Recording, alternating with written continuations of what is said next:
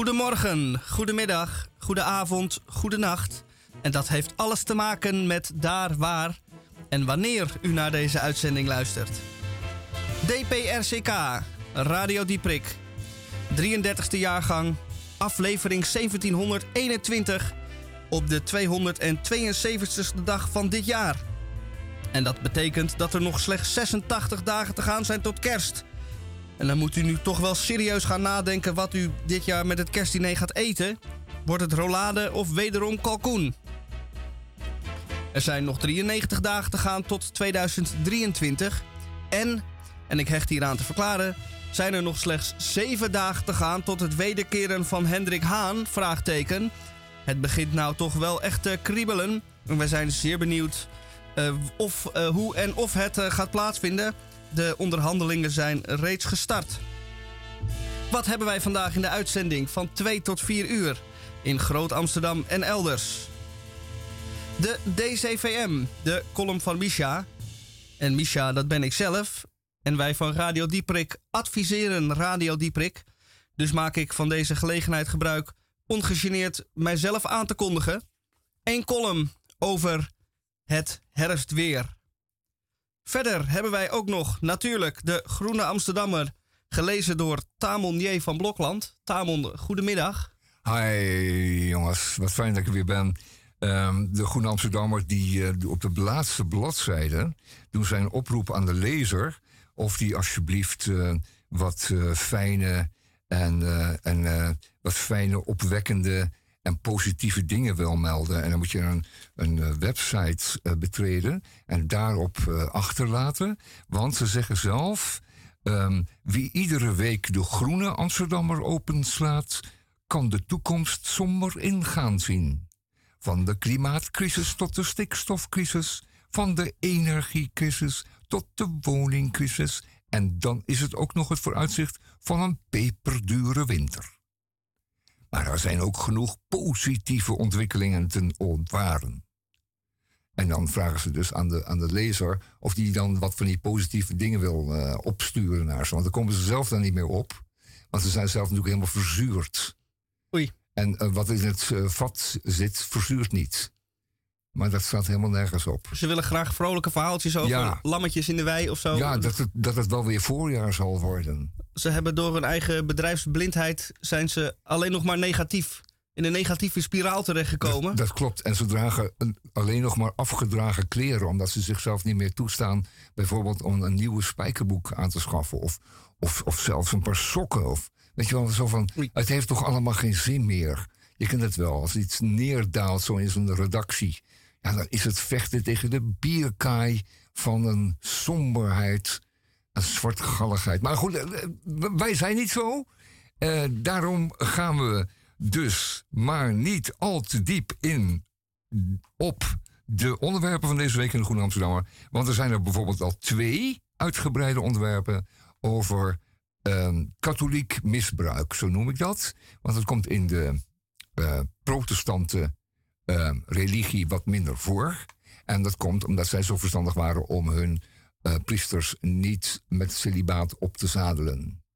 Juist, dat straks... Dat, dat scheelt gewoon een hoop. Ik snap niet dat ze zoiets simpels dan niet gewoon oplossen. Dan denk ik, ja, het is afgelopen. Nu kun je allemaal uh, hè, zoeken een lekker vrouwtje uit. En dan kun je gewoon... Juist, nou dat straks allemaal ja, in de Groene Amsterdammer. Ja, ja, ja, sorry, En dan, nee, ja, niet uh, al je kruid nu al verschieten. Nee, Wat wij ook hebben is de Krompraat onder redactie van mevrouw Weduwe D. Den Denderen Edelenbos. Zeg maar Dora. En uh, dan wil ik ook graag vertellen dat ik gisteren een nieuwe carrière ben gestart. Ik heb een, uh, mijzelf een titel aangemeten die mij naar hogere uh, plannen moeten brengen. En ik ga andere mensen daar ook bij helpen. Daar ga ik nu nog niet te veel over verklappen. Nee, nee, nee, maar uh, straks uh, hoort u daar in de uitzending zeker meer over. En in het tweede uur gaan wij ons nieuwste onderdeel. een tweede aflevering van ons nieuwste onderdeel maken. Namelijk de reis rond de wereld. Dieperik rond de wereld. En uh, wij hebben weer een oord uitgezocht waar u uw vingers bij kan aflikken. Dus hoor dat in het tweede uur. En dan is het nu de laatste dag van september. En herinnert u zich nog het begin van september toen de zon nog scheen en toen het nog tegen de 30 graden was en u uw bed uit zweten. Nou, die tijd is definitief voorbij. Morgen is het oktober en dan is het toch wel echt herfst en is de zomer echt uitzicht over de horizon heen verdwenen. En daarom dus bij Radio Dieprik eerst maar even dit.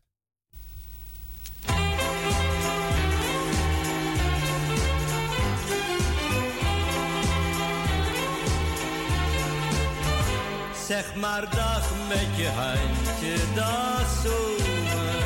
Zeg maar dag met je handje, dag. De allermooiste poesen gaan weer in de winterhoezen. Koude ijsjes worden warme bakjes thee.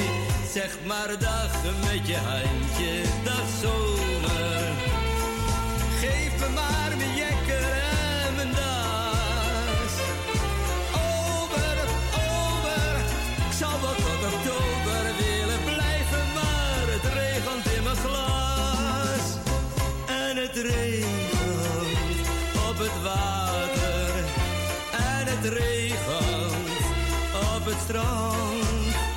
Waar we lachten, waar we kusten, waar we lagen in het zand. Zeg maar dag met je handje, dag zomer.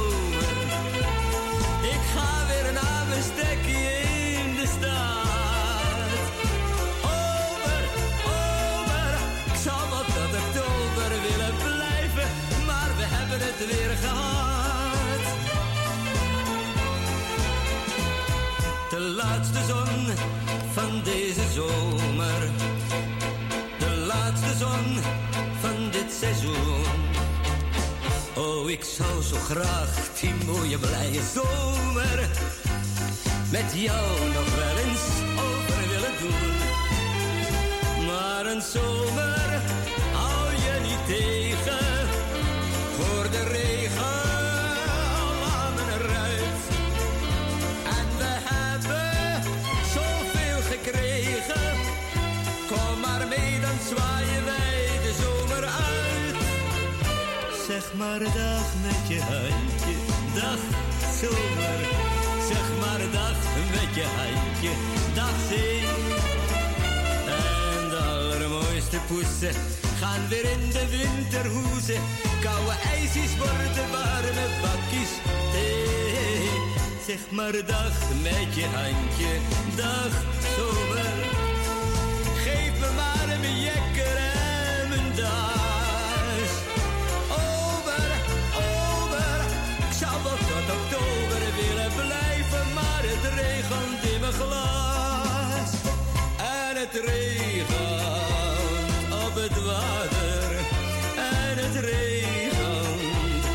strand.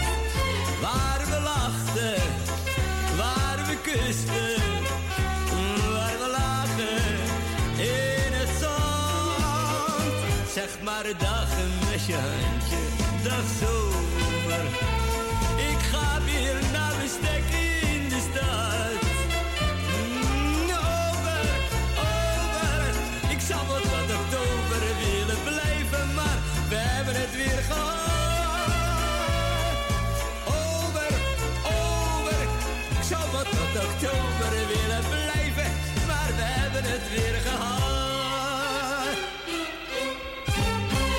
Zeg maar dag met je handje van Johnny Krijkamp.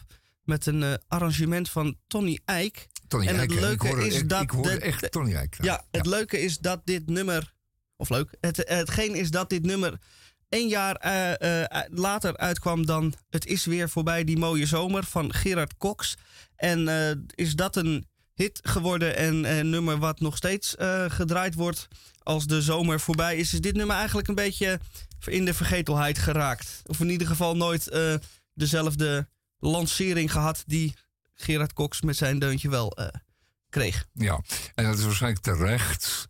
eh, want het nummer duurt net even te lang. Hoewel het arrangement van, van deze innovatieve, nee, dat kan ik nou niet, dat kan ik nog niet weggeven, van deze arrangeur. Uh, met dat brede orkest, dat brede stereogeluid. Hè. Je ziet lekker, lekker 70s ja, sound is het eigenlijk. Ja. Het is een, een prachtplaat om je stereo-installatie goed eens, uh, te showen aan de buren. Kijk, door, door te luchten. Daar staan de trompetten, daar staat het drumstel, hey, het staat in het midden. En daar is de basgitaar, dat is allemaal plonk, plonk, het is allemaal helder en herkenbaar. Maar het is het toch niet geworden. Nee, het is wel een heel vrolijk lied. Ja. Daar waar het is weer voorbij een beetje uh, iets wat weemoediger is. Het zingt hij het eigenlijk met heel veel vrolijkheid. Alsof hij eigenlijk wel zin heeft in de herfst en de winter. Zo zingt hij het een ja, beetje. Ja, maar en er moet me ook nog van het hart dat je hoort dat hij naar uh, spraakles is geweest. Dat scheelt dan ook weer voor. Uh, hij heet niet voor niks Johnny. Dus ja. Het is hem wel gelukt. Hij zegt het uh, keurig. En het is niet allemaal een S en een Z soms ook wel. Dus ja, regen, dat gaat nog niet goed. Er moet nog een N achter. Maar ik denk dat hij met enig oefenen... Oh nee, ze zal overleden zijn. Oh nee, nou ja, whatever. Um, we Daar gaan is niet te laat voor. Goed naar luisteren. De Goede Amsterdam komt deze week met een uh, bijvoegsel, een aanhangsel uh, over het Crossing Border Festival. Dat is dus de eerste dagen van, uh, van november in Den Haag. En Crossing Border, het woord zegt het al, er worden grenzen overschreden. De grenzen tussen spoken word, dicht, zang, muziek en beeldende kunst. En wat wij zeker gaan doen, en dat is in Amsterdam, godzijdank, uh, volgens mij, ik hoop het althans, um, Corso. Oh nee, dat is in Den Haag. Er wordt nog wat. Nou fijn, we gaan het hebben over uh, straks over um, um, Nora Krook. En dat is iemand die uh, en kan schrijven en kan tekenen. En die heeft dus een, een, aardig boek gemaakt. Waarin ze tekeningen becommentarieerd met teksten en, en teksten met tekeningen. Dat is wel heel bijzonder. Daar hou ik zeer van. Uh, gaan we allemaal straks doen. En in onze filmrubriek, later in dit uur, zullen we degelijke aandacht besteden aan de PAFF. Uitspreken als PAF. Ik vind het verschrikkelijk om het te moeten zeggen, maar het heet nu eenmaal PAF. En het is het Parool Filmfest Tival. Filmfestival. Is dat ook echt fest? Ook zo'n rare modernisme-fest. Het moet festival zijn. Uh, allemaal films die je normaal ieder niet zo in de bios zou tegenkomen. Of het zijn premières die uh, zijn weggesnoepen voor het uh, bioscoopgebeuren. Maar in ieder geval, het wordt een weekje. Nou, eigenlijk maar vier, dagen. een weekje, half weekje. filmfestival um, onder auspiciën van het Parool. Die heeft dus aardige films bij elkaar geprakt. Uh, in een paar bioscoopjes achter elkaar kijken. Voor weinig geld de gelegenheid voor de filmliefhebber. Gaan we het straks over hebben. Goed, Misha? Zeker goed. Bent toch ook een filmliefhebber? Ben ik. Nou, uh, een beetje. Ik keek beetje. vroeger eigenlijk nooit films. Oh. Dat uh, liet ik aan mij voorbij gaan. Ik heb sinds enige tijd een Cineveel pas. Ja. Waar je dan braaf één keer in de maand een vast bedrag voor betaalt. En dan kunt u onbeperkt naar bioscopen die daaraan gelieerd zijn. En dat zijn er in Amsterdam een heleboel. Ik denk een stuk of 10, 12. En daar kun je dan uh, naartoe, onbeperkt. Dus ik ga af en toe als ik niks beter te doen heb. Of als het maar een heel goed idee lijkt. Betekent gewoon ook dat je er één keer vier keer kan zien. Dat je één film er vier keer achter elkaar wil. Dat Bijvoorbeeld. oh ja, ja. Dan moet je wel steeds terug naar de kassa om een nieuw kaartje te, oh gratis uit te laten printen. En dan denkt die man, daar heb je maar hem met, weer. Uh, maar als, als je goed uitrekent, ben je dus met vier keer bioscoop eh, in de maand mooi, uh, mooi uit. Nou, minder zelfs. Oh. Uh, ja, het is ongeveer de prijs van 2,5 kaartje gemiddeld. Ligt er een beetje aan welke oh, nou, bioscoop. Dan, maar kun je meisje nog eens meenemen. nee, die moet gewoon zelf betalen, want oh. je, je, het is alleen voor jezelf. Oh, nou. Dus. Goed maar. Dan betaal je dan ook maar gewoon. Dus ik ga altijd alleen.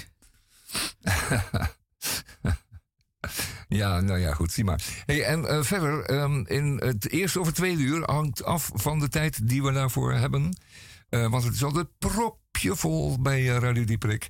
gaan we nog even zeuren over, um, over de sprong over het ei. En denk altijd, ah. ja, met voldoende aanloop kan je er inderdaad overheen springen. Maar het is zo, zo kinderlijk gesteld. De sprong over het ei. Alsof het ongewis is wat aan de andere kant zit, weet je wel.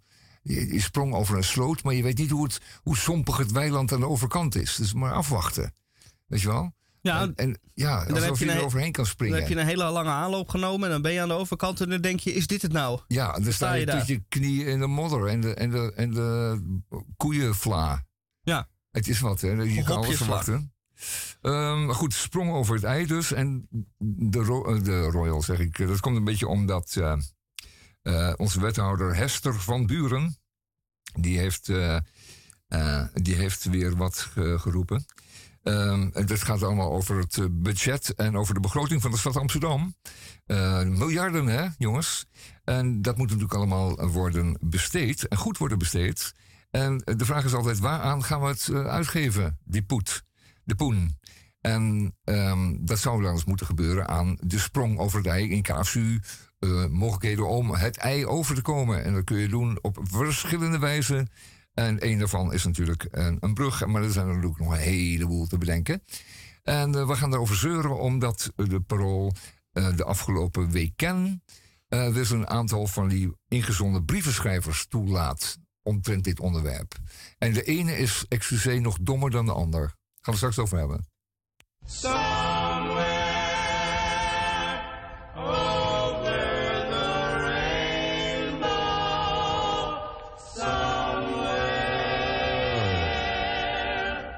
Somewhere over the rainbow, way up high, there's a land that I heard of once in a lullaby. Oh, somewhere over the rainbow, skies are blue, and the dream that we did do, dream really do come true. Someday the star and wake up where the clouds are behind me. Where trouble melt like lemon drop away up on the chimney top.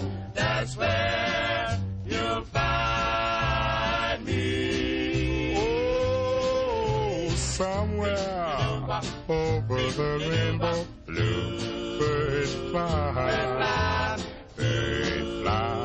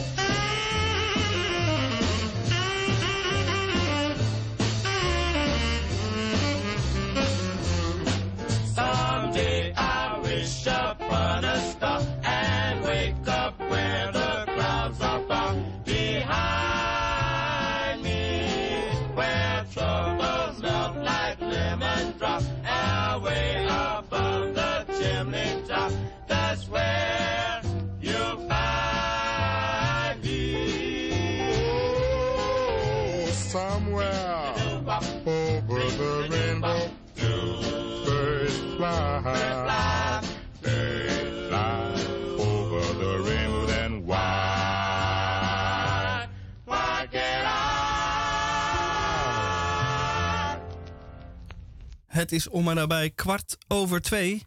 En dan bent u van ons gewend de sonore stem van Tamon J. van Blokland te horen.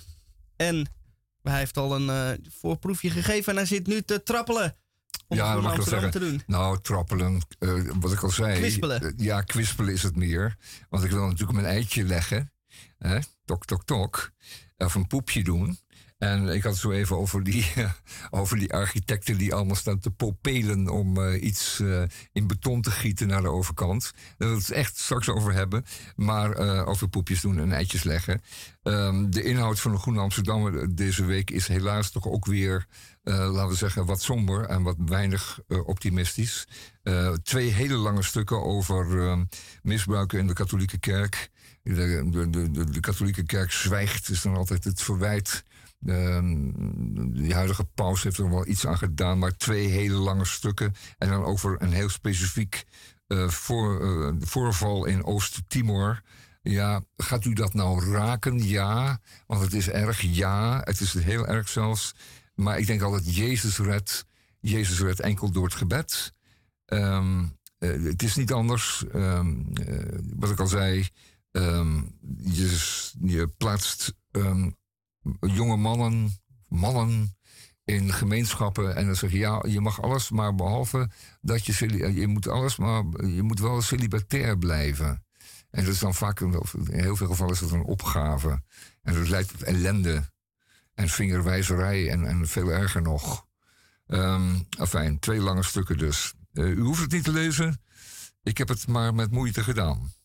Ehm, Brazilië gaat kiezen. En wie gaan ze kiezen? Ze gaan die ellendige, stomme eh, ellendeling, die vreselijke man, Bolsonaro, die zijn naam niet mee heeft. Want Bolso betekent zak en Naro is naar, dus nare zak.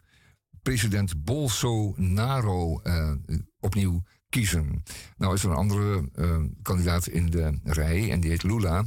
En die heeft eh, eh, wat gevangenisstraf achter de rug, want die werd daar meteen ingesmeten toen eh, Bolsonaro zijn kans zag. Dat was de vorige presidentskandidaat. Nee, hij was president een tijd lang. En Bolsonaro wist niet anders, wist niet beter dan hem ogenblikkelijk in het gevangen te donderstralen. Zo'n ellendeling is het. Hij is bezig om Brazilië de allerslechtste naam te geven die het ooit heeft gehad. Hij eh, is met volle gang bezig om er een militaire, eh, laten we zeggen, zeer autoritaire, militairachtige regering, of althans overheid, te vestigen. En dat allemaal op basis van hebben, pakken, krijgen, doodschieten, neerslaan. allemaal gruwelijkheden die zeer goed bij de man passen. Het is de allerdomste eh, rechtse dictator die we hebben op de wereld op dit moment. Met, eh, met glans. Hij staat op nummer 1. We hebben wat domkoppen gehad, inclusief de heer Trump. Maar deze spant de kroon. Hartelijk gefeliciteerd, Bolsonaro. Dat je eh, maar vlug van je paard mag donderen. En donderstralen, zeggen ze in Amsterdam. Goed, onze kleine vrienden. En die hebben we. We hebben er miljoenen. Wat zeg ik? Miljarden kleine vriendjes. Maar die zijn we ook bezig om eh, massaal om zeep te helpen. Want wat is het nou? Eh, er zijn plaatsen op de wereld, en zeker hier in het eh, gematigde noorden, waarbij de insectenstand tot 75% eh, verminderd is. Althans, tot 25% van de oorspronkelijke 100% in enkele jaren eh, verminderd is. Er zijn heel weinig insecten. Dat zult u zelf ook gemerkt hebben. Daar waar het ooit zoomde, is het nu stil. En als het stil is, dan komen er ook geen vogels. Want die hangen ook weer samen met de insectenpopulatie en de hoeveelheid daarvan. En insecten worden nu gemist langzamerhand. Die rottige mug, vlieg, wesp, steek, ding. Allemaal weg. Fladderen, zoomen, vergeet het maar. Chilpen, ritselen, vergeet het maar. Stilte. En hoe komt dat? Dat komt omdat het eh, efficiënter is, eh, vergelijk Bolsonaro, om het oerwoud te kappen en om daar sojaplantages op te zetten. Maar sojaplantages die trekken bepaald geen insecten aan. Dus die Bolsonaro-strategie, want daar hebben we het ook over straks, eh, die strategie leidt tot uitsterven van de insecten. En ehm, de vraag is nu, waar hebben we die soja voor nodig? Die hebben we nodig om onze koeien, varkens, kalveren, kippen, eenden, geiten te voeren die onze bio-industrie nu eenmaal heeft. En dat een miljoenvoud keer een miljoen. En dat is een miljard. Onze kleine vrienden, die gaan eraan. Let op.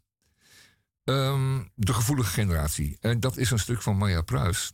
Het gaat over ehm, het overdreven reageren op, eh, op gevoelens van onveiligheid. We zien het nu ook weer heel duidelijk, eh, waarbij de vorige eh, Tweede Kamervoorzitter eh, wordt verweten een onveilige werksituatie te hebben gegenereerd, te hebben veroorzaakt. in de tijd dat zij de baas was van eh al het personeel rond die Tweede Kamer. Dus griffiers, maar ook schoonmakers. Iedereen die boodschappen, jongens en, en opruimers en, en aantekenaars. was er de baas van. En er liepen natuurlijk ook heel wat stagiaires en stagiairs eh, daar in de ronde. En dan zei ze, dan sloeg ze wel eens op de tafel, zei, het moet uit zijn met het gedonder of iets dergelijks. En daar is nu, zijn nu klachten, anonieme klachten over gekomen. Ehm, het was helemaal niet leuk. En ik voel me heel erg onveilig in die werksituatie. En ik heb eronder geleden. En eh, zo mogelijk heb ik ook een trauma daarvan opgelopen. Ik heb angsten. En die had ik niet voordat mens eh, de, de, baas speelde over mij. En daar hebben we het nu over. Over de kwetsbare mens die moet beschermd worden tegen potentiële onveiligheid. Dus die onveiligheid hoeft er nog niet te zijn, maar ehm, die kan er zijn. Ehm, van kwetsend tot traumatisch. En de vraag is dan, die um, Maria Pruis dan stelt, is: is het zwak of juist sterk om gevoelig te zijn? gevoeligheid. Kijk, gevoeligheid. Gevoeligheid, dat is natuurlijk positief. Ongevoelig, dat is niet positief. Maar overgevoelig, dat is heel erg onhandig. Want dan loop je maar overgevoelig te wezen voor alles. Elke prikkel kan te veel zijn. Een drukke straathoek. Wat denkt u daarvan? Lawaai in een koffiehuis. Um, hardpratende, hardsprekende mensen in, in de treincoupé of uh, weet ik het. Is allemaal, allemaal weer ongevoelig voor. En je wil het niet, je wil weg. Drukte. Uh, en dat kan je dan heel erg zwaar nemen of lichter. Nou, het is uh, dat. Maar ook allerlei andere gevaren zijn er natuurlijk. Hè? En, en onveiligheden. En dat loopt van het rubberen tegeltje op de speelplaats. Zodat er niet uh, koppetjes, kinderkoppetjes tegen de tegels stuiteren. Of uh, scherpe dingen waar een wikkeltje omheen zit. Om je niet te snijden of te stoten. En nou, dat is echt een heel breed spectrum van onveiligheden die afgedekt worden. En die dus opvallen. En waardoor mensen dus zichzelf um, voor willen hoeden. Ja. Um, in de treincoupé hangt sinds kort om de zoveel meter een mededeling welk nummer ge-sms'd kan worden mocht zich een onveilige situatie aandienen. En iedereen, iedere treinreiziger weet dat het niet gaat om technische mankementen. Dus zeg van, ik heb het idee dat het uh, wiel hieronder mijn stoel vierkant is. Dat is rommelt of zo. Of je hoort iets uh, zuizen of piepen denk ja, ik bel even met de NS dat ze weten dat uh, deze trein, uh, daar gaat iets mis mee. Of het raam zit los, weet je wel. Kan ook. Dat is zo uh, rammelt. Of, er zit helemaal geen raam in. Dat is dan een onveilige situatie, zou ik zeggen, die genoeg is. Nee, iedereen weet dat onveilig is bijvoorbeeld, wat ik me meemaakte, een man die wijdbeens, heel onveilig, op, op de bank zat tegenover mij.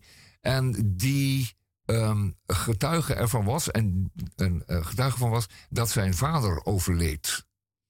En die uh, sprak uh, met de luidspreker op met zijn familie, die rond het sterfbed was verzameld. En hij eiste van de familie dat ze hem op de hoogte hielden van het gehele stervensproces. Dan zei hij, dan zei hij bijvoorbeeld keihard door de coupé: Leeft hij nog? Zegt hij nog wat? Wat zei hij? of Jan, Ga eens kijken, duw eens. Uh, en dat gaf dus in feite een hele onveilige situatie. Nou, uh, is daar dat nummer voor. Dat kun je dan bellen. Alleen, ja, zou je dat nou wel doen? Je kan er ook een column over schrijven. Ja, dat kan ook. Je kan een column over schrijven. Het is goed misschien wel voor een hele paragraaf in een, uh, in een, in een zelfhulpboek. Of, nou ja, je kan er iets mee. Of je kunt er een mooie tekening maken. Ik zie het zo voor je, weet je wel, die man die daar zat. Een grote, hele grote kerel, een soort uh, betonwerker was het. En die dan heel erg luidruchtig had over, ja, over iets wat je eigenlijk heel, wat eigenlijk heel klein en ontroerend moet zijn, maar dan heel groot werd. Um, waar hadden we het nou ook alweer over? Over poepjes doen, ja, precies. Um, architecten en um, grote bouwwerken. Uh, die willen graag iets groots neerzetten, iets moois als magnum opus. En uh, dat wordt dan later, als het een beetje meezit, een icoon genoemd. En daar gaan we het straks over hebben. Een apart onderwerp in Radio Dieperik. Komt vaker voor, maar we gaan het weer over hebben. Ik ga nu stoppen met de Groene Amsterdam. Het is echt mooi geweest. Een lekker muziek. Ja, ja lekker.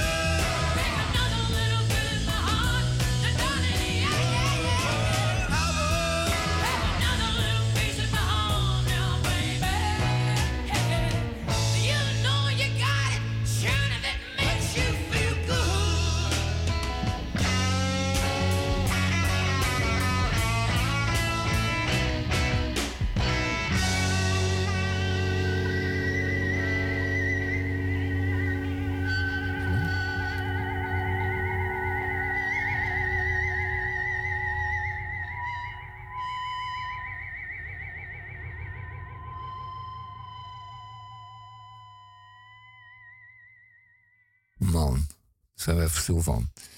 Ehm, en dat is mooi, want uh, op dit moment uh, zit uh, Micha klaar hier bij de micro om zijn column voor te lezen. De column van Micha, de DCVM. Um, ik zou zeggen, Micha, go ahead. Het is zaterdagavond. Het regent dat het giet. Al de hele dag. Ik ben van plan naar huis te fietsen, maar wacht de zomermoesson af. Ieder jaar is dit weer er weer. Net als Koningsdag en voetbalrellen kun je je klok erop gelijk zetten. Ik ga, de droogte afwachtend, zitten op een terras onder een zonnescherm, die ook functie blijkt te doen voor andere weertypen. Het heeft iets romantisch en tegelijkertijd iets sneus. De weinige mensen die te vinden zijn op dit plein rennen voor hun leven.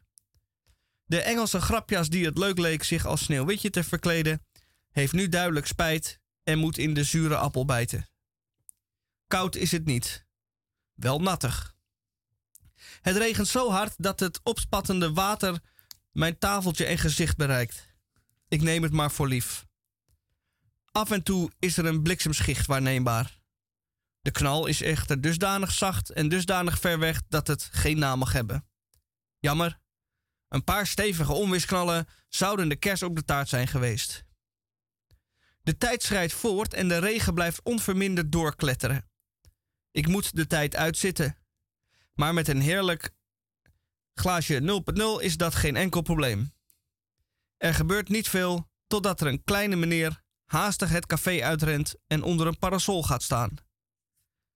Hij grist een verregende stoel naar zich toe, redt deze van de verdrinkingsdood en gaat erop zitten. De terrasbediende van dienst loopt achter hem aan en geeft hem een limonadeglas met water. Omdat mijn 0.0 bier op is, komt deze bediende mijn kant op. Na mijn bestelling opgenomen te hebben, hij, begint hij tegen mij te praten. Waarschijnlijk omdat de klanditie zo tegenvalt door het weer en hij verder niks beters te doen heeft. Die man daar komt uit Iran, zegt hij. Discreet wenkend naar de meneer met het glaasje water. Hij was op stap met zijn zoon en nog iemand. En omdat deze meneer geen tas bij zich heeft, en die zoon wel, heeft hij alles aan hem gegeven. Zijn paspoort, portemonnee en telefoon, alles. Maar nu is hij zijn gezelschap kwijt. Ze waren eerder vandaag ook al hier geweest. Daarom komt hij terug, denk ik. Mijn, mijn biertje wordt geregeld en ik kijk naar de Iranees die er verloren bij zit. Daar zit je dan. Aan de andere kant van de wereld, verregend, met niks op zak. Op een stoeltje met een glaasje water. Hopend dat zijn metgezellen hier ooit nog eens langskomen. Tot op heden nul op rekest. Ik merk dat de terrasmeneer een draadloze huistelefoon op zijn dienblad heeft liggen. Ik hoef niet naar de achterliggende reden te vragen, want hij steekt meteen van wal. Bij hoge uitzondering mag de meneer uit Iran de bedrijfstelefoon gebruiken om naar Teheran te bellen. Het is daar nu kwart voor drie s'nachts. Maar hopelijk neemt er iemand op. Dan kan hij de mensen daar vragen zijn zoon te bellen en hem vervolgens naar café het loge te sturen om hem met zijn verloren gewaande vader te verenigen. Er wordt, na enig aarzelen, opgenomen, want de meneer begint in hoog tempo in het Persisch te spreken. Wat er gezegd wordt is mij niet duidelijk, want mijn Persisch is nog steeds wat het altijd al geweest was. Als het gesprek beëindigd is, gaat de meneer midden op het plein staan. Waarschijnlijk om beter zichtbaar te zijn. Het begint echter weer harder te regenen en de meneer schokt maar weer terug naar de tafel onder de parasol. Schichtig kijkt hij om zich heen in de hoop dan eindelijk zijn zoon te zien. Maar het duurt maar en het duurt maar en nog steeds loopt er niemand voorbij die ook maar enigszins lijkt op degene die hij zoekt. Totdat het moment aanbreekt dat hij plots opspringt en wegrent. Hij rent naar twee mensen toe. Dat zullen dan wel de mensen zijn die hij zoekt. De man is furieus op zijn zoon die leidzaam de scheldtirade aanhoort. Van enige blijdschap dat ze weer samen zijn, lijkt geen sprake. Althans niet zichtbaar aan de geluidsafdrukking af te lezen. Ze lopen weg, de Amsterdamse nacht in. Kletsnat, want het regent nog steeds dat het giet.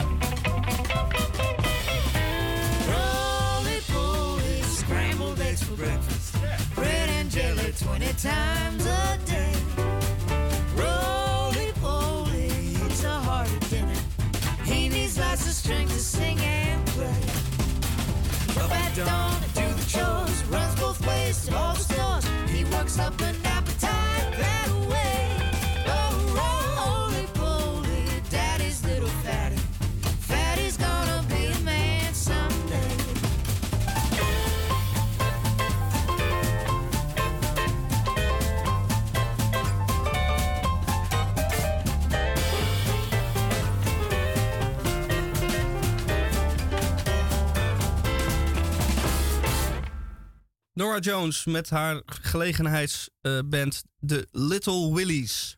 Little ze Willies. we- Western Swing eh, gingen doen. Dit was een nummer origineel van Bob Wills en is Texas Playboys. Oh, dat weet je allemaal weer. Nou goed, de andere band die heette de eh, Good Looking Boys. Nee, de, de, de, de what, Smart Boys? Nee, whatever. De Smart Band? Nee. Wie? Die, die andere band, het andere nummer. Maar fijn, dat zoeken we even op. De Texas Ehm, Playboys bedoel je? Nee, nee, nee, nee. nee. Ehm, we zijn eh, gekomen een kwart- voor eh, drie, dat is verdorie alweer. Ehm het loopt alweer tegen het einde van de eerste uur. Dat zal toch niet waar zijn? Het gaat allemaal zo. Ehm, zal ik dan nu maar eventjes eh, de, de sprong over het ei doen? Dan hebben we dat ook weer meteen gehad. Graag. Kijk, nou laat ik maar eventjes heel snel er doorheen gaan. Even wat historie. Ehm, eh, Amsterdam is een stad gelegen aan het ei. En op een zeker moment werd aan de overzijde van het ei, dat vinden wij dan, eh, een, laten we zeggen, industriegebied gecreëerd. Daar, waar, eh, daar was plaats voor industrie, voor scheepswerven in het bijzonder. Dus aan het ei, maar dan wel aan de overzijde. En daartoe moesten arbeiders ehm, ehm, het ei oversteken.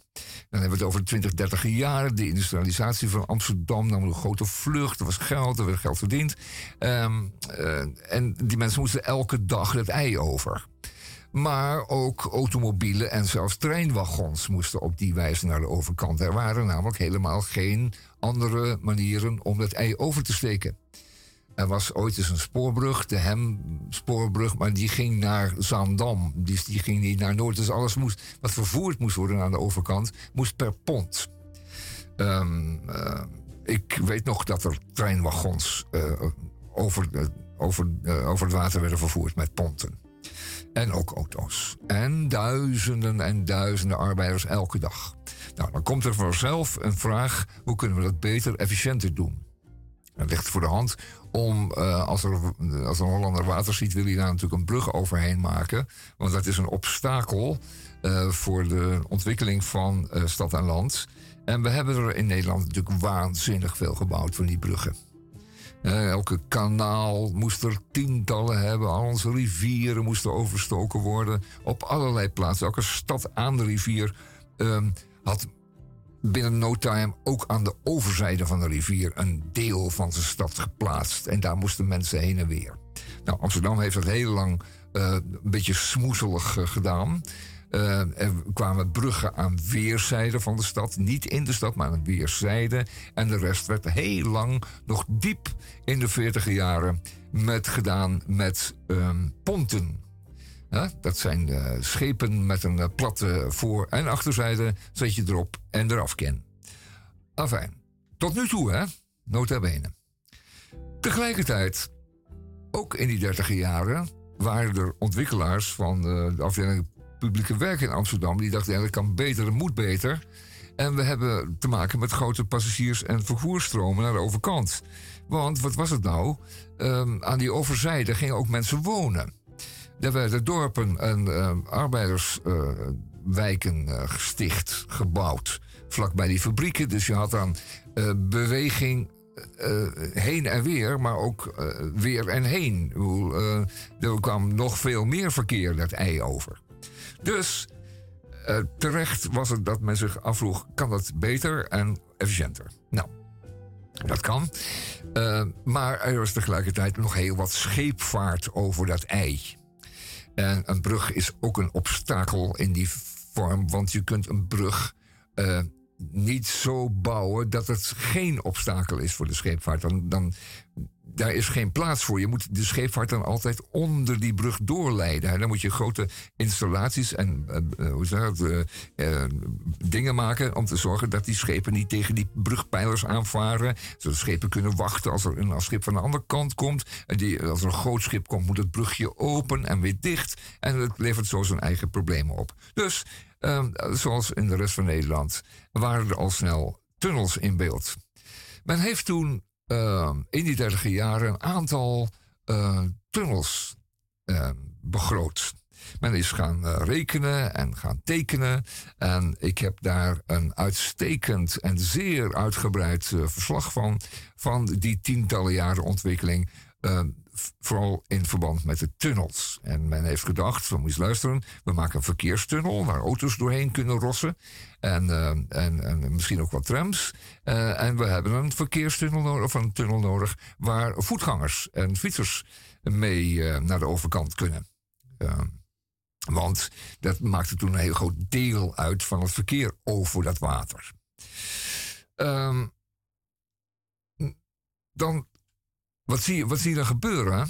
Is dat ehm, het al lang niet meer een onderwerp is voor ehm, zo'n, eh, laten we zeggen, degelijke, maar wat saaie gemeentelijke dienst. Vol ingenieurs die, eh, die, die goed kunnen rekenen en die, die eh, goed kunnen tekenen, die dat netjes en technisch kunnen doen. Maar daar gaan ze anderen mee bemoeien. Dan wordt het een politiek ding. Waarom wordt het een politiek ding? Het wordt een politiek ding omdat het ehm, die brug of dat ding wat er ingelegd moet worden of overheen gelegd moet worden, een, ehm, laten we zeggen, een, een postzegel moet worden. Het moet een beeld worden. Daar gaan mensen zich mee moeien. Die zeggen, ja, maar als we dan iets maken, dat we dan iets heel moois maken. Wat iets zegt over onze Amsterdamse aard of over onze kunst en kunde. En eh, waarmee we tevoorschijn kunnen komen. Nou, mensen voelen zich daardoor aangesproken. Architecten zijn zo geil als boter op, eh, op dit soort dingen. Want dan kunnen ze er namelijk een naam eh, aan verbinden. En dat heb je in eh, Rotterdam gezien met de Zwaan. Eh, je hebt het eh, hier zelfs, hier in het gebouw eh, De Zwijger. Met die brug die hier het watertje overspant.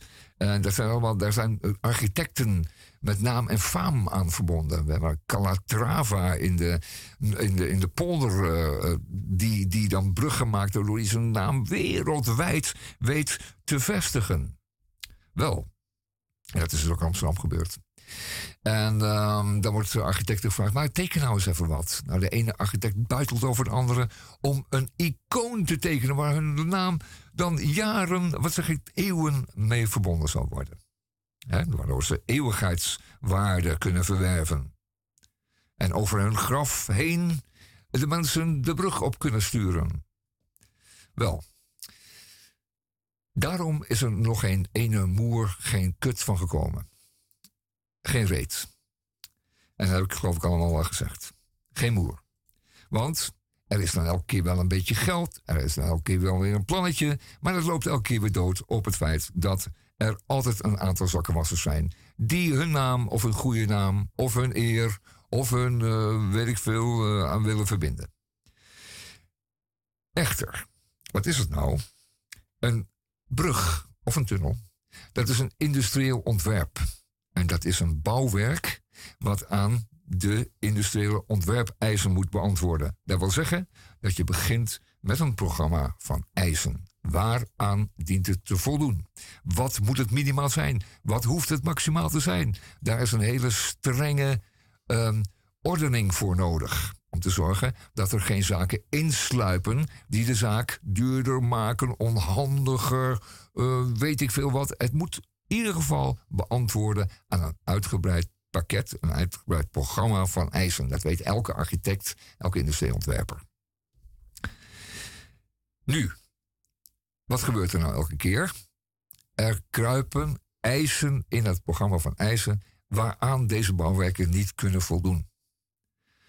Als en indien men blijft zeuren in Amsterdam, dan komt er nooit wat van. En het is zo erg, het is zo ergelijk ook. Als je twee ponten hebt moeten laten voorbijgaan in de zomer, omdat die te vol zijn en je mag er niet meer op, dan denk je, GVD, dat is een afkorting met puntjes daartussen.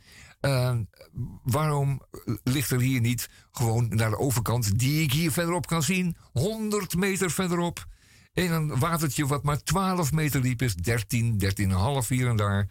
Waarom ligt er niet gewoon een tunnel waardoor ik droog en snel naar de overkant kan?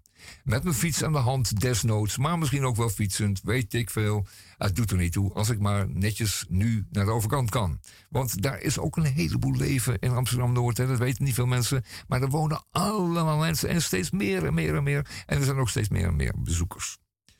Wat zeurt men nou elke keer over een brug?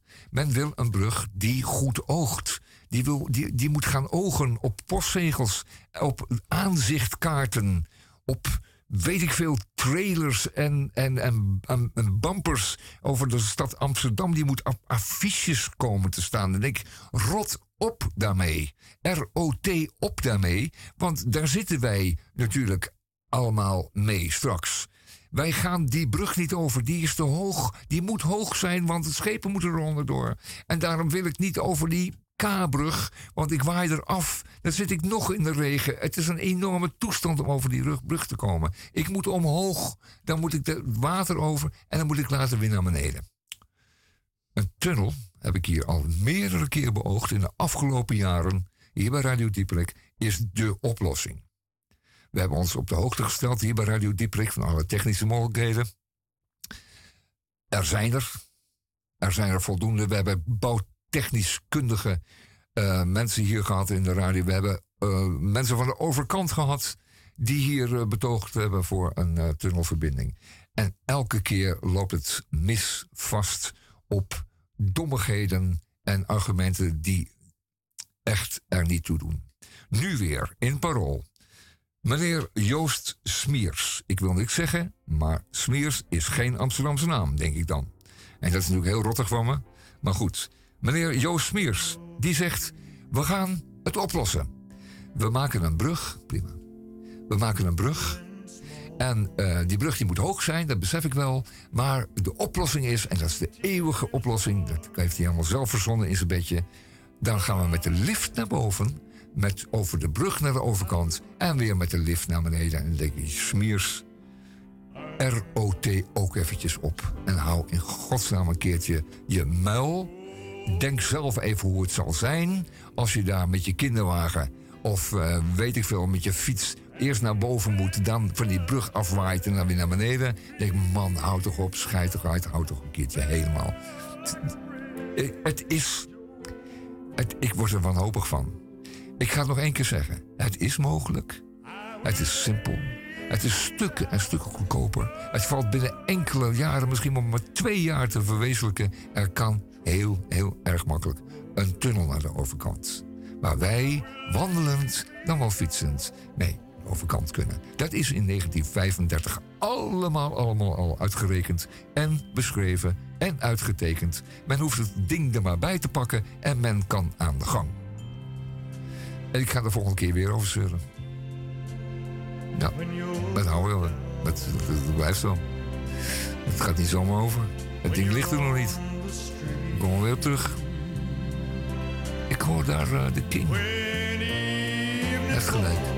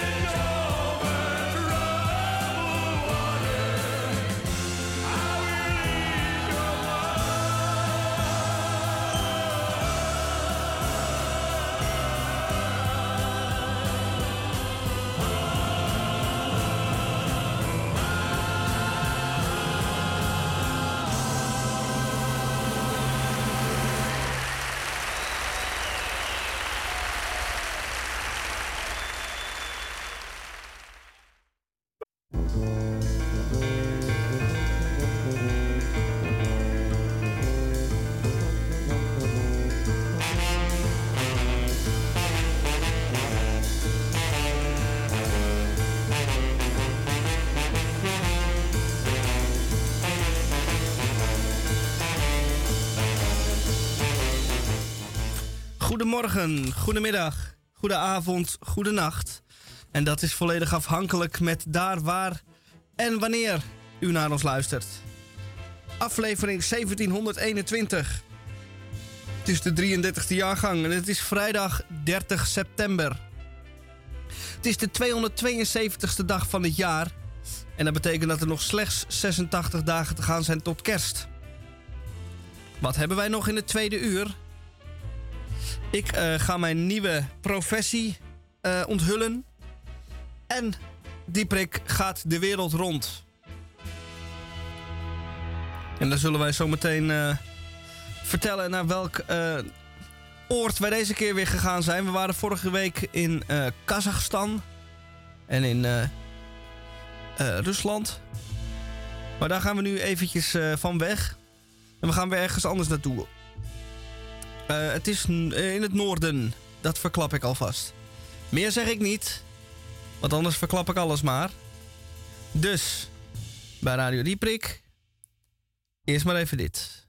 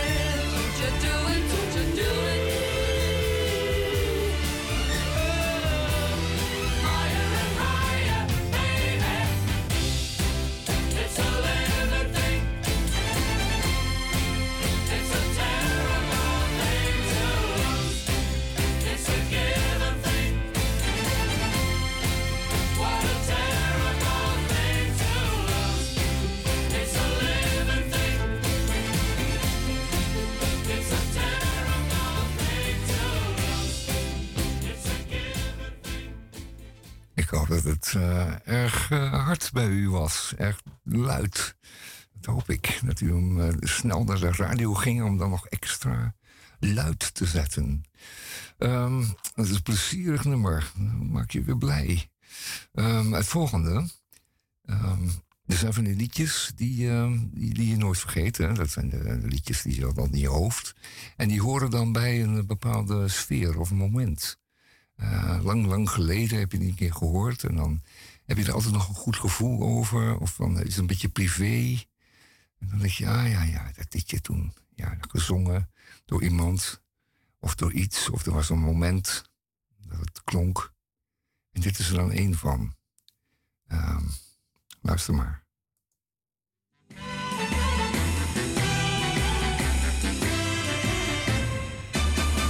Elke morgen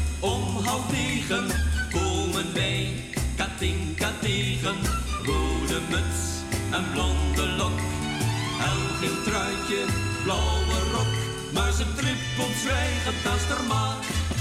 Daarom zingen alle jongens haar verlangen na. Kleine kokette Katinka. Kijk nou eens een keertje om. Stiekempjes over je schouder. Je ma ziet het toch niet, dus kom. Kleine kokette Katinka, ben je verlegen misschien? We willen zo graag nog heel even een glimp van je wipneusje zien. Elke morgen, zon of regen, komen wij Katinka tegen. Hakjes tik-tak op de stoep, korte rok met nauwe koep. Maar haar blik verraadt geen nee of ja. Daarom zingen alle jongens haar verlangend na. Kleine kokette Katinka, kijk nou eens een keertje om. Stiekempjes over je schouder, je ma ziet het toch niet, dus kom. Kleine kokette Katinka, ben je verlegen misschien? We willen zo graag nog heel even een glimp van je wipneusje zien.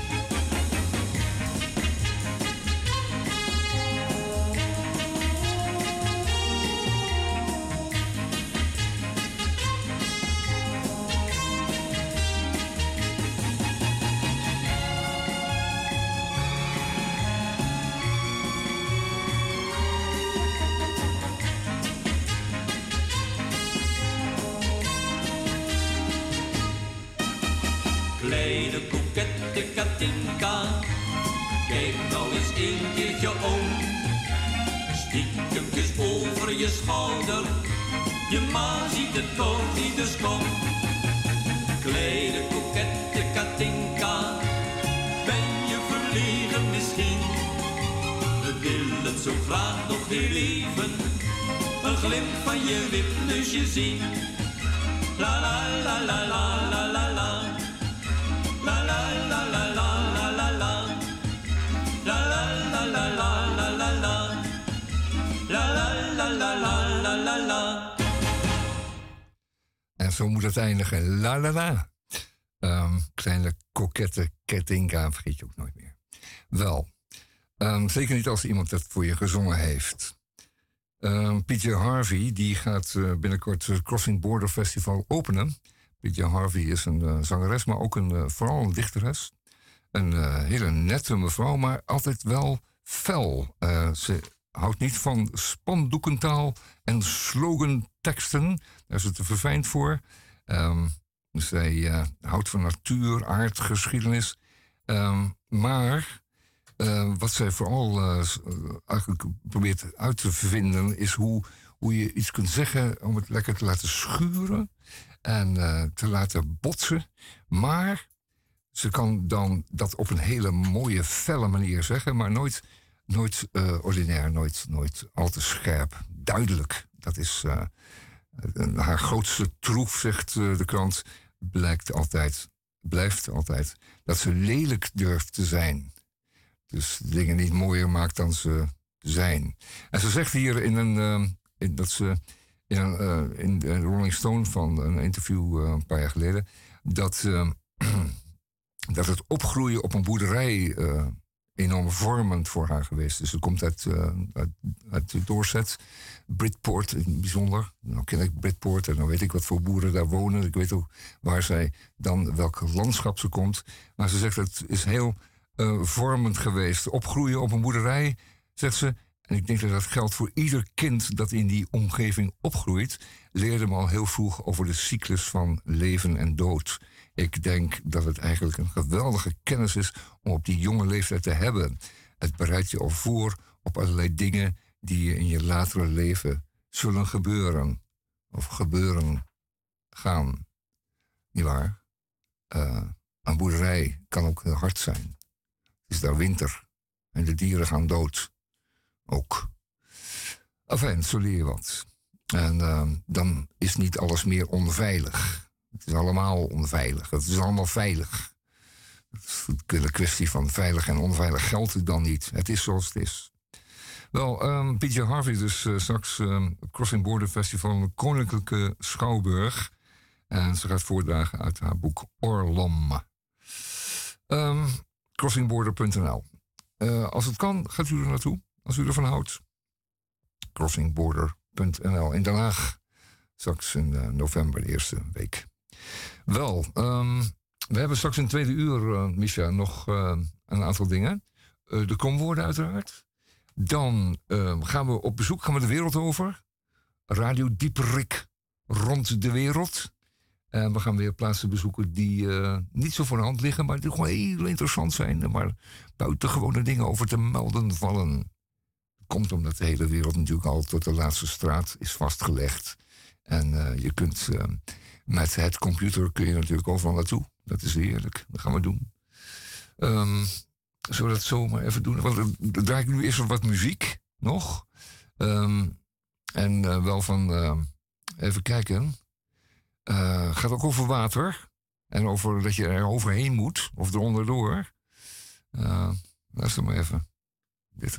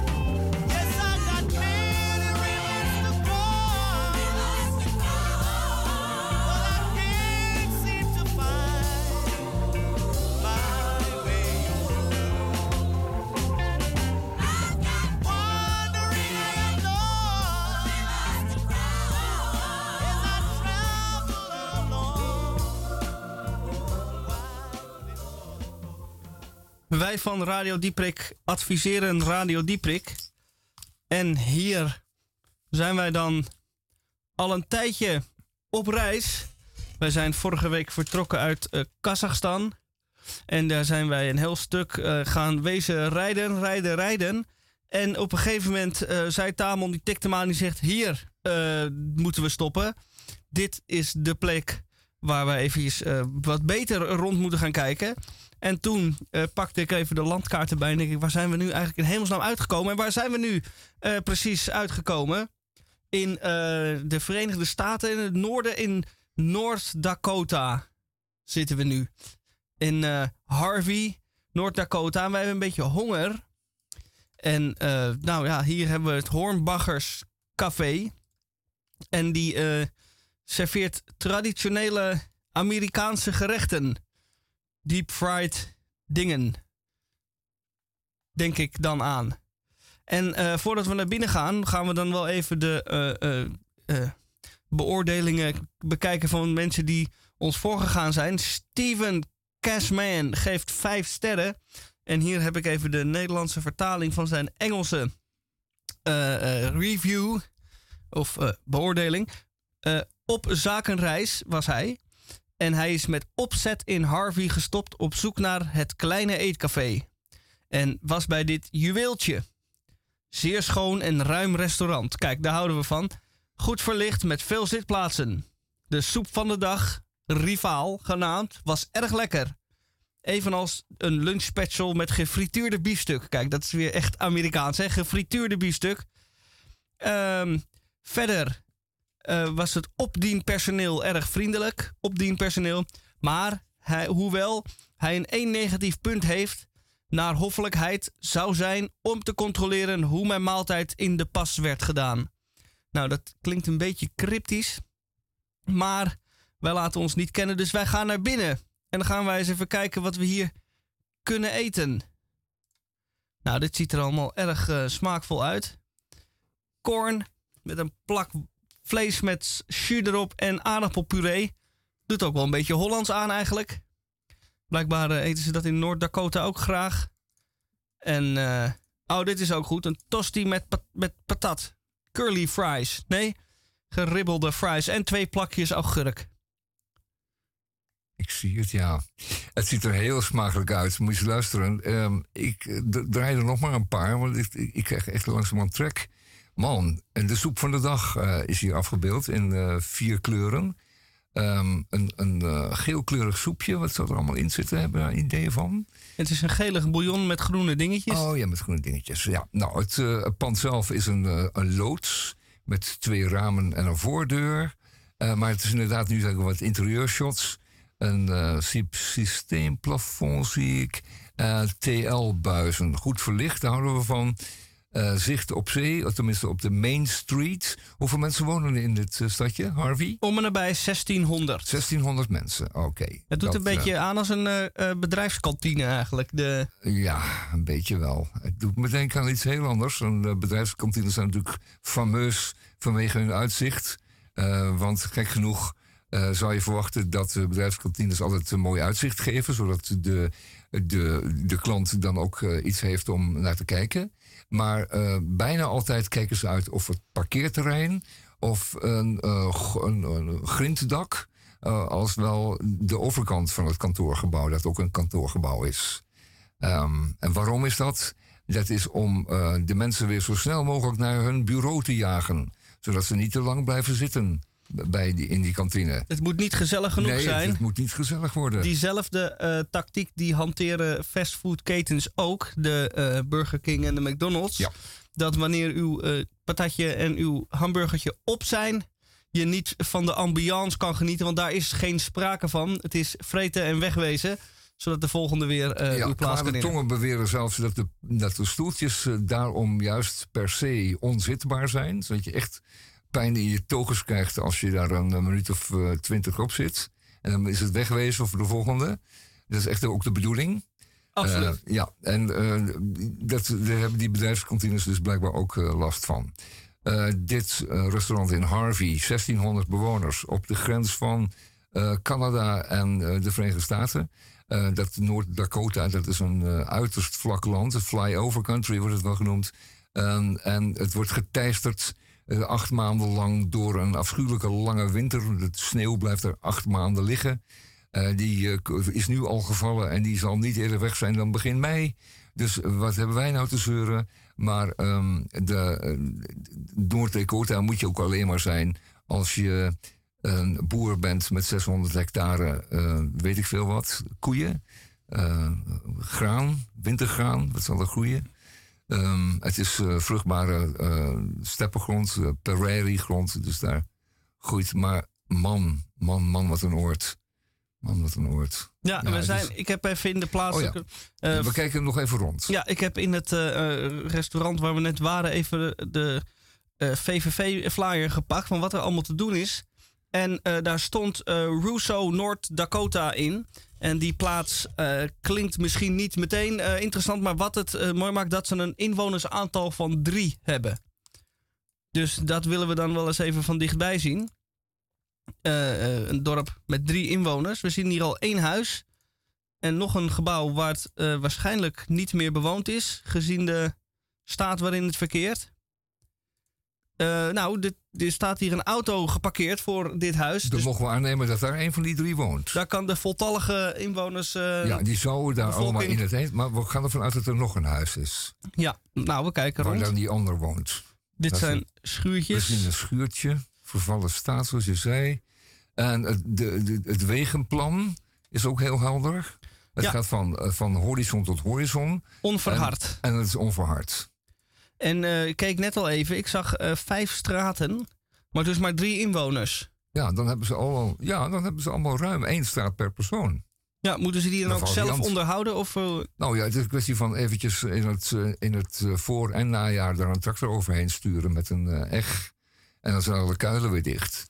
Dit is ook een mooi gebouw. Dat is best een groot huis waar Ja. je toch met een fatsoenlijk gezin kan wonen. Maar dat, er zal dan wel maar één persoon eh, leven, want anders kom je al gauw ja, boven, dus, de, oh, ja, boven het aantal van drie geen uit. drie, Of ja, twee. of twee. Eh, maar het mooie is, er is wel omheind met een heg. Een Met een hoge heg. Hoge heg. Die je in Hollywood ook ziet, waar de eh, acteurs dus niet door de pottenkijkers lastiggevallen willen worden. Dat doen ze in Russo, North Dakota Doen ze ook. ook. Want van die drie inwoners lopen er minstens één of twee per jaar eh, een, een keer langs. Over die straat. over die straat. En die, om die te, eh, te weerhouden van het naar binnen kijken, naar binnen loeren. Bij die ander dan in dat dorp. Ja. Hebben ze dan die hoge heg eh, gemaakt. Dus het, het, het, het, het zou kunnen zijn dat op een op zeker moment iemand langskomt.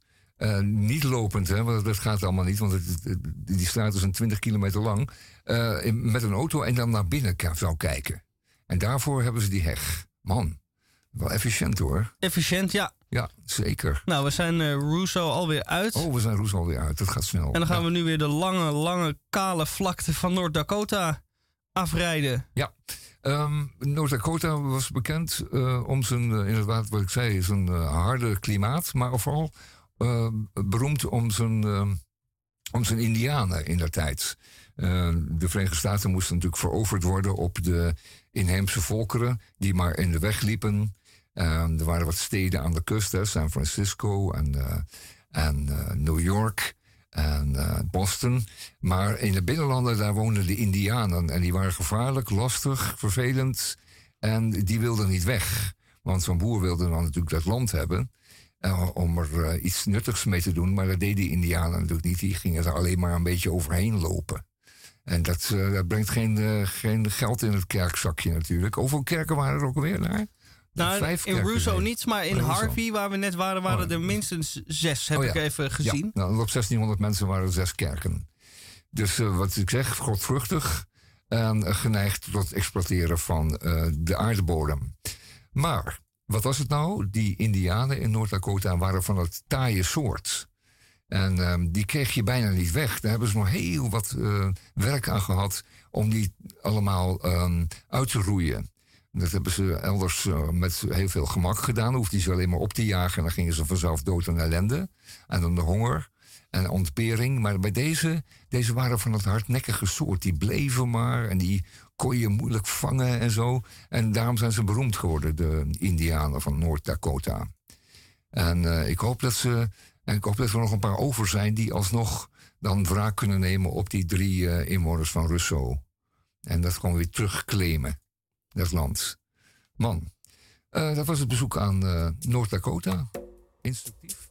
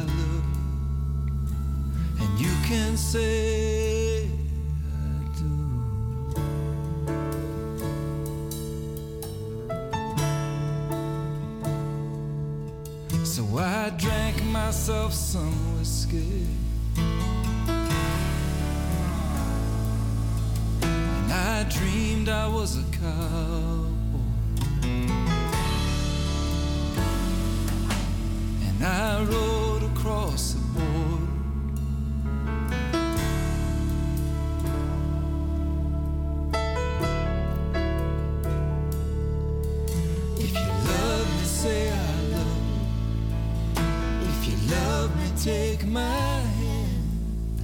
If you love me, say I love. If you love me, take my hand. And you can say I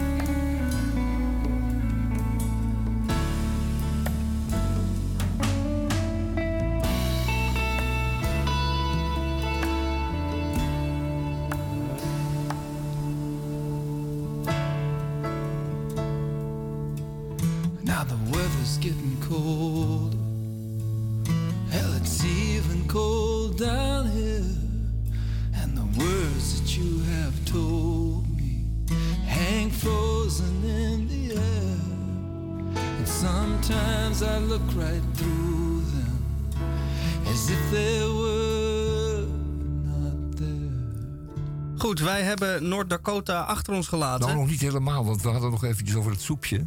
Het Oh, gele ja. soepje. En ehm, we krijgen nu door eh, van de redactie dat, ehm, dat het waarschijnlijk maissoep is. Omdat mais het enige is wat er groeit. Dus je kunt de hele dag daar door de maisvelden rijden. En dat is ook de reden dat er ook mais geserveerd wordt. Naast die, die gefrituurde biefstuk.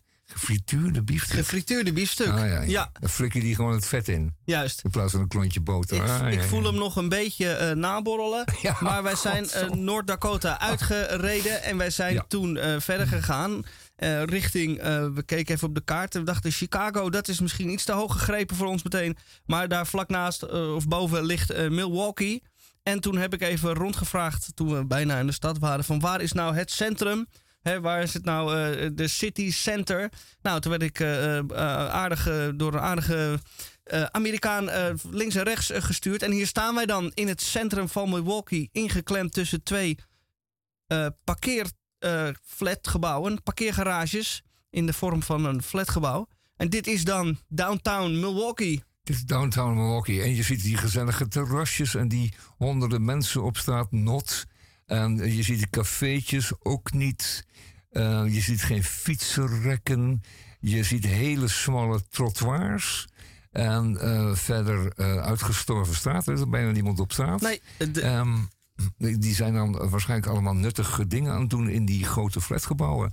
Die er ook allemaal hetzelfde uitzien. Want die worden altijd na een paar jaar weer omgehaald. Omdat er een nieuwe voor in de plaats moet komen.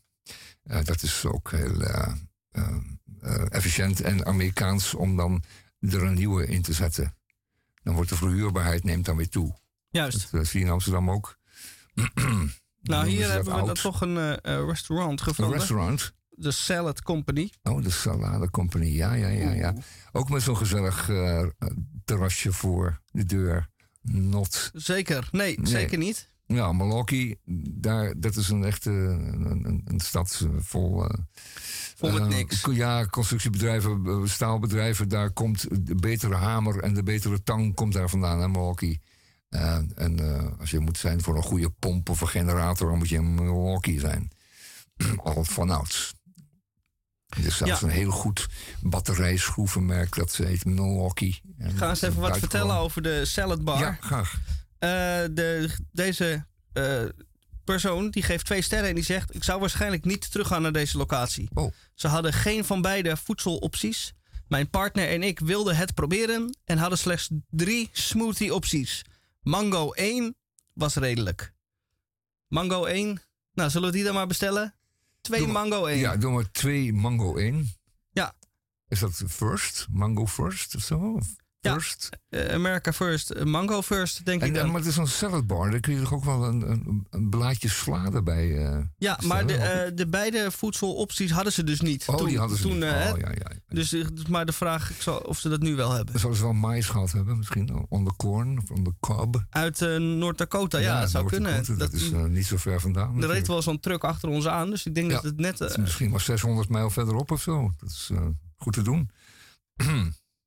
wel, eh, de Great Lakes zie ik daar. Ligt uh, Milwaukee aan de Great Lakes? Zie ik dat? Of is dat eh, Juist. Chicago? Oh, dat is Milwaukee ook. Aan de Great Lakes, de grote meren. dat zijn trouwens zeeën, hè? Dat zijn geen meren, dat zijn enorme zeeën. Waar je schipbreek eh, kan eh, leiden, naar het schijnt. zeeën van meters hoog. Milwaukee. Nou, daar hoeven we lekker ook al niet naartoe. Het schiet lekker op, jongens. Ja, en dan En zijn zo we... knallen we Noord-Amerika door. Is dat we nou gaan- een Nederlandse vlag? Nederlandse Of een vlag. Luxemburgse vlag? Het is in ieder geval rood-wit-blauw. Ja. En het zijn geen boeren die hem opgehangen hebben, want er hangt gewoon Mm, rood-wit-blauw. Maar is dat een openbaar toilet daar? Of zit het gewoon helemaal Eh, verkeerd? Of is dat een bushokje? Het, het heeft een huisnummer hon- 161. Maar geen ramen. Geen ramen. 361. Nou, de nummer 361, daar wappert een... En hoe heet de straat? Kunnen we het nog eventjes nagaan? Eh, eh, het is ehm, Een woongebouw. Main Street Main Street. in eh, Belgium, Wisconsin. Het dorpje heet Belgium. Ja. Oh ja, en daar staat een huis dat geen ramen heeft. En dat is een heel veilig gevoel als je geen ramen hebt in je huis. Nee. Hè? Ten slotte. Daar opteer ik ook voor, zeg. Een huis zonder ramen. Fantastisch. Het scheelt ook, het scheelt ook energie. Het is eh, Je kunt het allemaal goed isoleren. En eh, het is veilig, wat ik al zei. Wel, eh, we reizen door. Dat was Belgium. En de hoofdstad van eh, Noord-Dakota, die heet Fargo. Fargo. er wonen 147.000 mensen. Toe maar. En Fargo is natuurlijk beroemd geworden vanwege de film die ooit genoemd is naar het stadje Fargo. En de serie die nou, ook weer naar aanleiding daarvan eh, is gemaakt. Een buitengewoon goede serie. De film is een van mijn favorieten. Die heb ik al vele malen gezien. Ik kan hem uit, uit, helemaal, eh, helemaal uit mijn hoofd. Ken ik hem. Hele stukken dialogen, prachtig. En de Fargo heet hij. En dat is dus de hoofdstad van Noord-Dakota. En de andere grote stad heet, ehm, ehm, is genoemd naar een eh, Duitse politicus. Eh, niet Adolf Hitler deze keer. Dat zou een beetje raar zijn, hoewel dat kan natuurlijk ook best. Dat een stadje Adolf Hitler heet. Zou maar zomaar kunnen. In Eh, Noord-Dakota. wie weet, we gaan het 15 zoeken. personen of zo, ja. Ze hebben wel die andere eh, Bismarck. Ja, Bismarck. Dat is dan de tweede grote stad. Ja, ter grootte van Weesp ongeveer. Ik denk dat dit lied wel toepasselijk is bij de laatste 10 minuten van deze uitzending. Wat stokbrood, dat is dus Parijs. Koffie die koud en hard is, dat is mokka-ijs. Honderd schone woorden meer, dat is het bewijs. Voor alles is een naam, het gat in de muur heet raam. En rechtop liggen, dat is staan. Deel mij maar bij de onzin in, bij de onzin in, bij de onzin in. Deel mij maar bij de onzin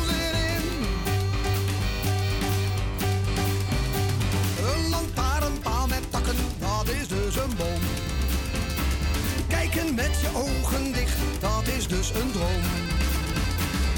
Twee vingers in een stopcontact, dat is de stroom. Voor alles is een naam, de zon die s'nachts schijnt heet maan. En een gele komkommer is banaan. Deel mij maar bij de onzin in, bij de onzin in, bij de onzin in. Deel mij maar bij de onzin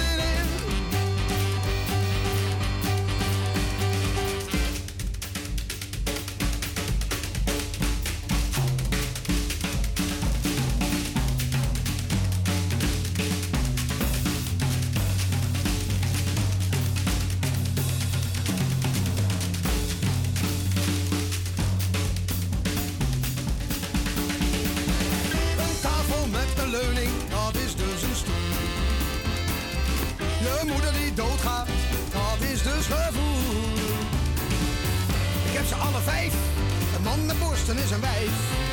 En wat niet slap is, dat is stijf. Deel mij maar bij de onzin in, bij de onzin in, bij de onzin in.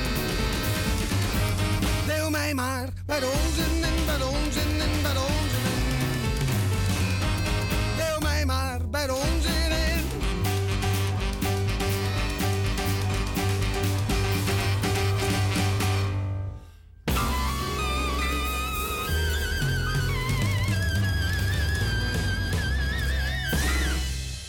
Zo, ik sta perplex en Tamon staat paf. Ja, PAF, en eh, daar hebben we het meteen over. PAF staat voor Parool Filmfest. Ehm, inderdaad, het zou de bedoeling zijn dat je PAF staat eh, op eh, donderdag 6 oktober. 7 oktober, 8 en 9 oktober kunt u de hele dag van s morgens half elf tot avonds 10 uur naar de film in de volgende bioscopen Ketelhuis, Cinecenter, FC Hyena aan de overkant, de filmhallen Criterion en Rialto de Pijp. Ehm, en dat zijn films die uitgekozen zijn door de filmredactie van Het Parool. eh, omdat ze dat eh, van belang vinden. Dat zijn natuurlijk heel. Er zijn duizenden, miljoenen films op de wereld. Maar deze films zijn nieuw. En de Parool-redactie vindt dat het van belang is. dat u een van die films, of zelfs meerdere, of zelfs allemaal gaat zien. Het zijn er in totaal een twintigtal. En eh, Triangle of Sadness. Dat is de openingsfilm. Dat is volgens mij ook wel een hele aardige. Maar ze zijn allemaal wel eh, bijzonder. Ehm, maar goed, als er lekker veel zijn. en je kunt voor een klein bedragje er een heleboel zien. moet u dat zeker doen. Hè? Ehm, ik, er staat iets over de kaartverkoop. Maar ik denk dat u met die Cinefiel pas ook wel een heel eind komt. Bijvoorbeeld. En ik denk dat er ook wel een paspartout te krijgen valt. En eh, er zijn leuke nagesprekken en voorgesprekken. En eh, dat maakt het allemaal natuurlijk feestelijk en leuk. En er is nog een, eh, een PAF Award te verge- vergeven. En deze prijs, één sculptuurtje, gaat naar de film die het publiek het hoogst wordt, door het publiek het hoogst wordt gewaardeerd. En dan kun je je stem uitbrengen. Het is allemaal gezellig. En eh, u ziet een hoop films. En u bent van de straat. En mocht het gaan regenen en koud worden, dan zit u lekker warm en prettig aangenaam. En neemt u iemand mee, uw liefde of, uw, eh, of iemand anders, uw maatje, uw eh, buddy. En het wordt allemaal heel erg feestelijk. Dat proberen ze in ieder geval allemaal te doen. PAF, P-A-F-F. De twintigtal films. Nou, moet goed, goed kiezen zijn. Dat is onze, onze advies zijn van de filmredactie van Radio Dieperik. Zeker. Dat, eh, waarvan akte. En dan nu hoopt u natuurlijk van ons de krompraat woorden te krijgen. Maar eh, de faxmachine heeft nog niet gerateld. Ehm, dus ik pak hier maar weer even de. Ehm, Zit er een faxrol in dan? nou, ik ga even kijken. Ik pak hier de schroevendraaier. Oh, En dan ga ik hem maar even eh, kijken of ik heb hem eh, niet bijgevuld. Of hij. eh, oh, oh jee. Hebben we nog Moet- wel kun je ook een fax naar jezelf toesturen? Dat je even kan testen? Ik denk het wel, hè? testen of hij het doet? Ja, Nou, dan gaan wij dat even zoek doen. even uit. Dan draaien we in de Kan wel de tussentijd. reden zijn dat hij niet gerateld heeft nog. Nee, Nou ja. Ehm, dat zal je eh, maar gebeuren. Nou ja, er zijn ergere dingen.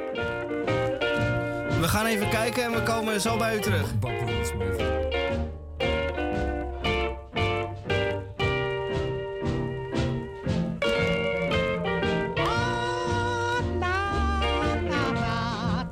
If you've ever seen that old Mississippi, the queen of the Delta land, then you'll understand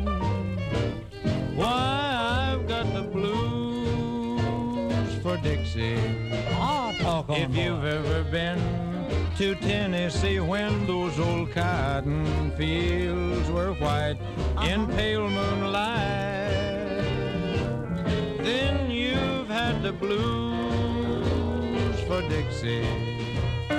If you've seen the glamour of that Alabama moon shining in the sky, if you've got a baby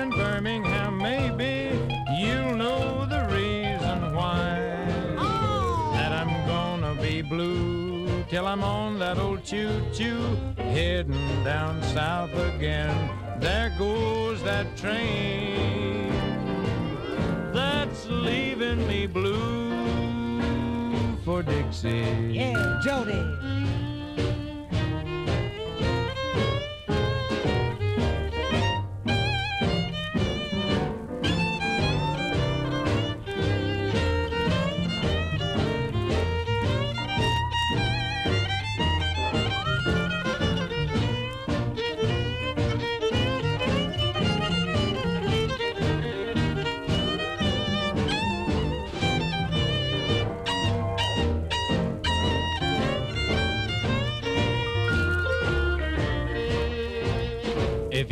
Seen the glamour of that Alabama moon shining in the sky, oh. if you've got a baby in Birmingham, maybe uh-huh. you'll know the reason why. Oh. That I'm gonna be blue till I'm on that old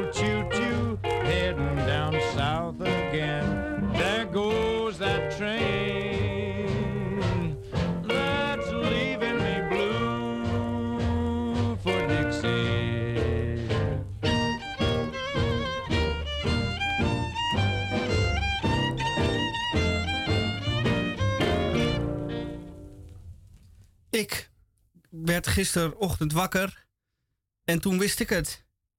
Ik ga een nieuwe carrière beginnen. En dat eh, heb ik eh, meteen bij de, de koe bij de horens gevat. Ik word, of ik ben, sinds gisteren innovatiestrateeg. En dan denkt u, innovatiestrateeg? Wat doet een innovatiestrateeg? Nou, dat zal ik u eens even vertellen. Ik eh, doe onderzoek binnen organisaties.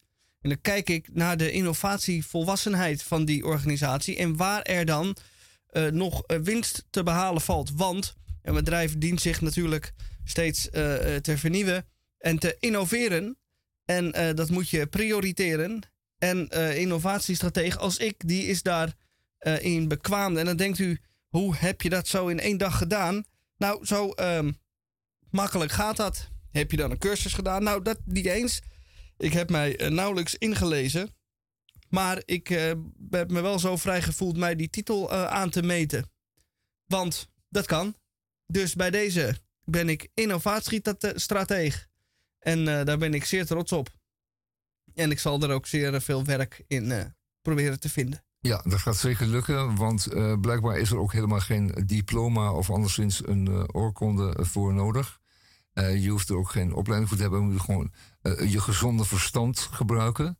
Nou, gezien dat iedereen dat wel een beetje heeft, of eh, jij dan in het bijzonder heel veel, ehm, kan je een hele goede innovatiestratege worden. En ben je het nog niet helemaal, dan word je dat natuurlijk op de duur wel. Dan merk je snel genoeg. Ja, je moet dan- ook dan- als je bij vijf bedrijven over de vloer bent geweest, dan ben je het hoor. je moet jezelf ook innoveren. Ja, dat is waar. Dat is ook een onderdeel daarvan. Hè? Eh, je moet vooral zelf ook innovatief zijn. En dat is bij voorkeur natuurlijk eh, gewenst bij de innovatiestratege. Het is ook voor mij een stukje zelfontplooiing Ja. om eh, mijn eigen innovatie te eh, Ja. strategisch Je moet de neer te koers op zetten. de, op de lange termijn kunnen uitzetten. En wat je zegt, eh, een onderzoek naar de volwassenheid van die in- innovatie die dan eh aantrekt. Je komt binnen ergens, je meldt je, je zorgt dat eh, je een goed pak aan hebt, goede schoenen. En die zegt, ja, ik ben de innovatiestratege. En u heeft er tot nu toe een potje van gemaakt, mag ik aannemen. Maar dat gaat nu veranderen. En een kwestie van jezelf verkopen. Als je het, als je voelt dat je het bent, als je denkt, het zit in me, eh, het hoeft alleen maar uit, dan, dan, dan ben je het ook. Ja, maar hier heb ik gisteren dus ook al over nagedacht. Ik denk, ja, zo'n innovatiestratege binnen organisaties, binnen de, het eh, bedrijfsleven, dat is eigenlijk de traditionele maar, eh, manier van dat beroep eh, uitoefenen. Maar ik denk dan, ja, eh, eh, ik moet natuurlijk ook innoveren. Dus ik wil het wat breder trekken. Wat meer algemene trekken. Dus eigenlijk ben ik gewoon een algemene innovatiestratege die eh, ehm, gewoon in het algemeen en in het geheel eh, innoveert en dat strategisch probeert te handelen. Ik loop over straat en dan ben ik eigenlijk al aan het werk. Zonder dat ik nou daadwerkelijk iets doe, gebeurt het gewoon wel. Want dat is de toekomst. En dat is mijn vorm van eh, innovatie, volwassenheid.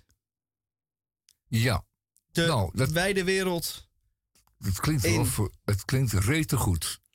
Het Ik- klinkt rete goed. Ja, het is ook het is erg ook vermoeiend. Ik ben er nu al richt tegen een burn-out aan. Ja. Maar dat... eh, Maar het is ook op vrijdagmiddag, dat is ook niet zo gek. nee, dat is ook weer waar. Ja. Na een, een 1, 2, 3 dagen hard denken is het vlug al uitgeput daarboven. En dan moet, er, eh, dan moet er bier in en dergelijke. En dan ben je maandag ben je de eerste om weer eh, flink wat strategieën uit te zetten. Kijk, het is in, de, in het bedrijfsleven zo dat eh, indien men producten maakt, produceert, dat die producten altijd een beperkt leven hebben. Dat noemen ze product life. Je bedenkt iets, dan breng je het op de markt. En de markt zal op een gegeven moment dan eh, behoefte hebben aan iets nieuws. En dan is het eh, product life van het eh, product is dan ten einde. En je moet op tijd dan iets nieuws kunnen brengen eh, om die markt te kunnen blijven bedienen. Juist. Ja, en dan denk je altijd van ja, ik maak een broodtrommel. Eh Brabantia is daar een goed voorbeeld van. En ehm, die hebben dat jaren, tientallen jaren gedaan. Hè. Die waren daar goed in. Dat is het vormen van blik. En dan een eenvoudig scharniertje eraan en een knopje erop. Maar je kunt er ook oneindig veel varianten op bedenken. Die eh, met, met bloemetjes en diverse kleuren en diverse dopjes eronder. Of juist Ja, en helemaal in het van eh, eh roestvrij andere, staal. andere materialen, Ja. kunststof. En, eh, ja. Kunststof, roestvrij staal. Er is van alles mogelijk. En de laatste innovatie die uh, Brabantia bijvoorbeeld heeft doorge, doorgezet... is dat zij een broodtrommel mm, hebben, op de markt hebben gebracht... die wat kleiner is. En die kost evenveel als die grote... Maar hij is kleiner en is veel meer geschikt voor één à twee persoonshuishoudens. Want Ah. je hoeft dus er geen heel brood meer erin te proppen... en een rol beschuit en een pak eh, kruidkoek of eh, ontbijtkoek. Want ja, die 1 à 2 eh, verdieners, nee, bewoners, die hebben niet meer zoveel. Een half pakje brood, een paar eh, croissantjes en dan houdt het zo'n beetje wat op. En daarvoor had je natuurlijk ehm, een grote broodtrommel. Maar aangezien de woningen ook steeds kleiner worden en ook de keukens, is het handiger om je keuken niet te bezetten met te grote trommels. Het geldt natuurlijk ook voor de rijstverpakking en voor de koffieblik. Het kan maar wat kleiner zijn. En het mooie Dat ervan is, zeker. je kunt Dat het voor ook- dezelfde prijs doen. Dat is ook duurzamer en Ja, eh, beter voor absoluut. het milieu. Brabantje heeft er dan Dus- minder eh, materiaal voor Ja, nodig. Heel goed En voorbeeld. dat ko- eh, kost dan ook minder geld voor Brabantia, maar voor u niet, want u betaalt hetzelfde bedrag. Maar dat is Nou, is- fair. Nee, dat is heel ver. Want het is ook nieuw. En dat heeft gewoon zijn prijs. Juist. Het wordt aangepast aan een nieuw prijsniveau. Hè, dat noemt men inflatie, maar, eh, of prijsopdrijving. Maar dat, dat is nu eenmaal zo. Dat is zoals het gaat. Net zoals die Indianen in Noord-Dakota. Die moeten wijken voor iets nieuws. Goed, nou, ik denk dat wij hiermee eh, de uitzending van Radio Dieprik wel volgen. Nou, ik vind het fantastisch. En dan ga je naar. ZCP'en of ga je in dienst ergens? Dat weet ik nog niet. Dat zal, ik, dat zal ik volgende week, eh, dat zal ik volgende week laten horen. Philips? En dan wens ik u nu een fijn weekend op deze 30 september 2022. En dan zijn we de volgende week weer. En dan is het oktober. Dan is het al oktober en dan is het echt eh, herfst. Dan gaan we richting. Dan kunnen we echt gaan aftellen richting de kerst. En het zijn dan de zeven dagen voordat eh, het, eh, de Hendrik Haan er is. Dus wij wachten af of er die volgende week is. Nou, nou, nou, Tot, dat zijn nog spannende, handenwringende dames. dagen. absoluut. Tot volgende week. Ja, tot volgende week.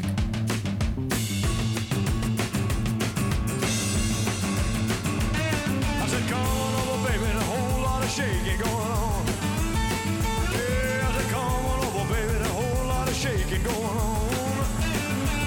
we whole lot of shaking we chickens in the barn. Who's born, what born, my born. Now come on over, baby, we got the